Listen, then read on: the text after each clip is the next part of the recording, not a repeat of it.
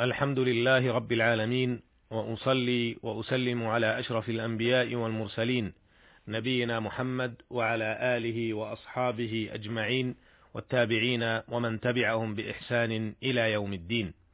أما بعد أيها المستمعون الكرام السلام عليكم ورحمة الله وبركاته. تحدثنا في الحلقة السابقة عما رواه الشيخان عن أبي مسلمة سعيد بن زيد رضي الله عنه أنه قال سألت أنس بن مالك رضي الله عنه أكان النبي صلى الله عليه وسلم يصلي في نعليه؟ قال نعم. وكذلك ما رواه الشيخان عن أبي قتادة الأنصاري رضي الله عنه أن رسول الله صلى الله عليه وسلم كان يصلي وهو حامل أمامة بنت زينب بنت رسول الله صلى الله عليه وسلم لأبي العاص بن الربيع بن عبد شمس فإذا سجد وضعها وإذا قام حملها. وكذا ما رواه الشيخان عن أنس بن مالك رضي الله عنه عن النبي صلى الله عليه وسلم أنه قال اعتدلوا في السجود ولا يبسط أحدكم ذراعيه انبساط الكلب وعرفنا ما في هذه الأحاديث العظيمة من فوائد وأحكام مهمة تتعلق بصفة الصلاة. وفي هذه الحلقة نعرض حديثا من أعظم الأحاديث في الصلاة، وهو ما رواه الشيخان عن أبي هريرة رضي الله عنه أن النبي صلى الله عليه وسلم دخل المسجد، فدخل رجل فصلى، ثم جاء فسلم على النبي صلى الله عليه وسلم، فقال: ارجع فصلي فإنك لم تصلي. فرجع فصلى كما صلى ثم جاء فسلم على النبي صلى الله عليه وسلم فقال ارجع فصل فإنك لم تصلي ثلاثا. فقال الرجل والذي بعثك بالحق ما أحسن غيره فعلمني. فقال إذا قمت إلى الصلاة فكبر ثم اقرأ ما تيسر معك من القرآن ثم اركع حتى تطمئن راكعا. ثم ارفع حتى تعتدل قائما. ثم اسجد حتى تطمئن ساجدا. ثم ارفع حتى تطمئن جالسا. وافعل ذلك في صلاتك كلها. هذا حديث عظيم كبير المعنى كثير الفوائد جليل القدر يسميه العلماء حديث المسيء في صلاته ويعنون له بعض أهل العلم في مؤلفاتهم بوجوب الطمأنينة في الركوع والسجود. ولذا نقف معه الوقفات الآتية. الوقفة الأولى. جاء في الحديث ثم جاء فسلم على النبي صلى الله عليه وسلم فقال ارجع فصل فإنك لم تصلي. ظاهر هذا أن النبي صلى الله عليه وسلم لم يرد عليه السلام لكن جاء في بعض روايات البخاري رحمه الله أن النبي صلى الله عليه وسلم رد عليه السلام في المواضع الثلاث وفي هذا دليل على مشروعية السلام ورده ولو كان الفاصل قليلا.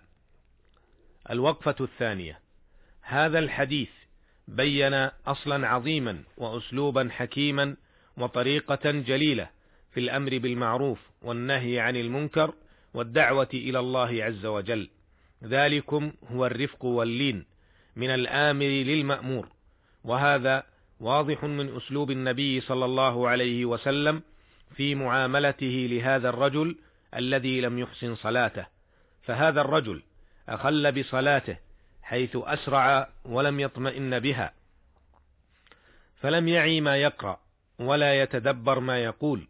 وهذا خلل كبير قد يبطل الصلاة لكن الرسول صلى الله عليه وسلم وهو المعلم العظيم والمربي الفريد والموجه الفذ بحنكته وأسلوبه وبطريقة معالجته للظواهر والأخطاء استعمل اسلوبا نفذ إلى قلب هذا الرجل الذي أساء في صلاته وأخل بها.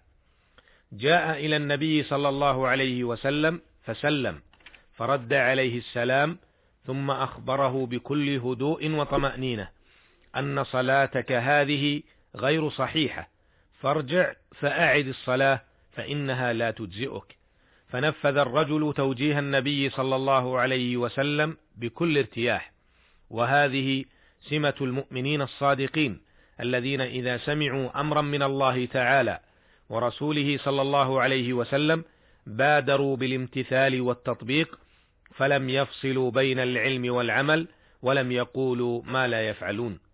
نفذ هذا الصحابي رضي الله عنه توجيه الرسول صلى الله عليه وسلم لكن لم يحسن التنفيذ حيث صلى صلاته الثانية كصلاته الأولى فأداها بسرعتها وعدم طمأنينتها. فجاء إلى الرسول صلى الله عليه وسلم ثانية فأعاد عليه الرسول صلى الله عليه وسلم الموقف نفسه بأنه لم يحسن صلاته فعليه أن يعيدها وهكذا في الثالثة.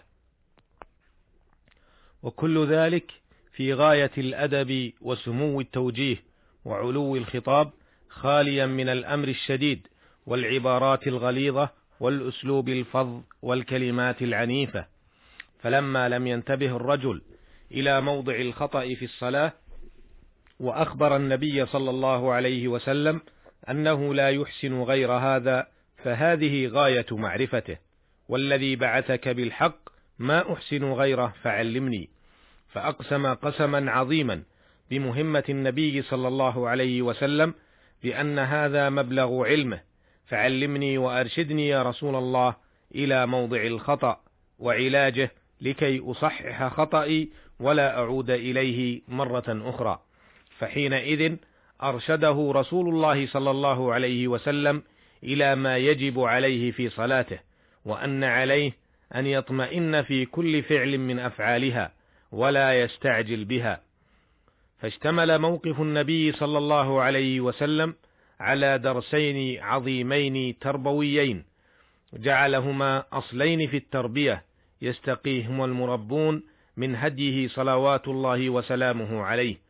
فعلى كل مشتغل بالتربية والتعليم والتوجيه والدعوة والأمر بالمعروف والنهي عن المنكر رجالا ونساء موظفين أو غير موظفين في دائرة العمل أو في البيت أو في الشارع أو في كل مكان على كل هؤلاء استشعار هذين الأصلين. أولاهما الرفق واللين فكما سمعنا أن الرسول صلى الله عليه وسلم لم يعنف هذا المخطئ ولم يسبه أو يشتمه أو يقلل من شأنه ويحتقره أو لا يبالي به أو يهمله فبكل لطف ولين أخبره موضع الخطأ ودله على الصواب. وهذا هو خلق رسول الله صلى الله عليه وسلم الذي أخبر عنه الله تعالى في كتابه العظيم وإنك لعلى خلق عظيم. وقال سبحانه ولو كنت فظا غليظ القلب لانفضوا من حولك. وأخبرت عنه عائشة رضي الله عنها حينما سئلت عن خلق رسول الله صلى الله عليه وسلم فقالت كان خلقه القرآن. والحوادث العملية في سيرته صلوات الله وسلامه عليه شاهد عظيم على ذلك.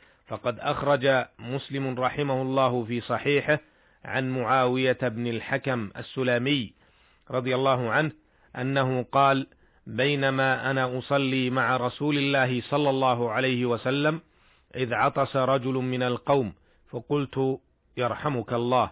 فرماني القوم بأبصارهم فقلت يا ثكل أماه ما شأنكم تنظرون إلي؟ فجعلوا يضربون بأيديهم على أفخاذهم فلما رأيتهم يصمتونني لكي أسكت سكت. فلما صلى رسول الله صلى الله عليه وسلم فبأبي وأمي ما رأيت معلما قبله ولا بعده أحسن تعليما منه. والله ما كهرني ولا ضربني ولا شتمني. قال إن هذه الصلاة لا يصلح فيها شيء من كلام الناس إنما هي التسبيح والتكبير وقراءة القرآن. فاسمع أخي المستمع إلى قوله فبأبي وأمي ما رأيت معلما قبله ولا بعده أحسن تعليما منه والله ما كهرني ولا ضربني ولا شتمني.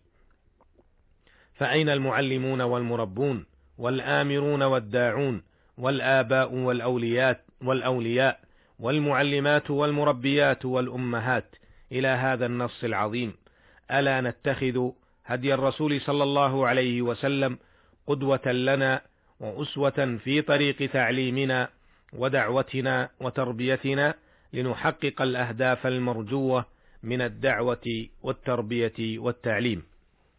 ومما يفهم من هذا النص العظيم أن الخطأ لا يعالج بخطأ مثله، وأن الزلة لا بد حاصلة ما دمنا بشرا، وأن علاجها باللين والرفق، وما كان الرفق في شيء إلا زانه، وما كان العنف في شيء إلا شانه.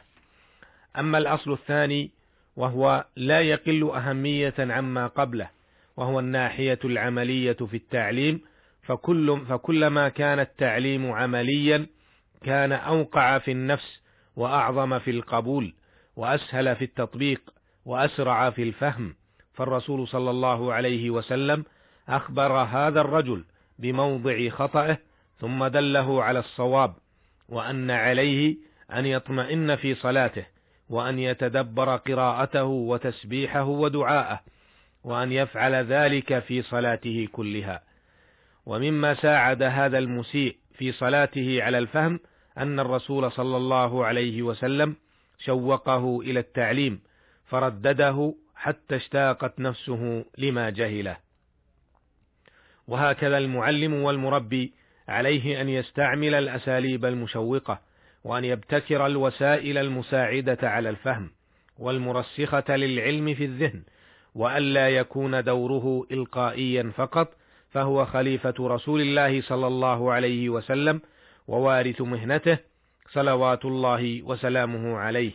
وأختم هذه الحلقة بأن على كل من تصدى بأن على كل من تصدى للتربية والتعليم والتوجيه أن يتدبر سيرة النبي صلى الله عليه وسلم وأن يستقي منها الأصول المهمة والوسائل المفيدة في هذه المهنة الجليلة جعلنا الله تعالى من المقتدين به صلوات الله وسلامه عليه وأن يحشرنا في زمرته إنه سميع مجيب وهو المستعان وإلى اللقاء في الحلقة القادمة إن شاء الله والسلام عليكم ورحمة الله وبركاته.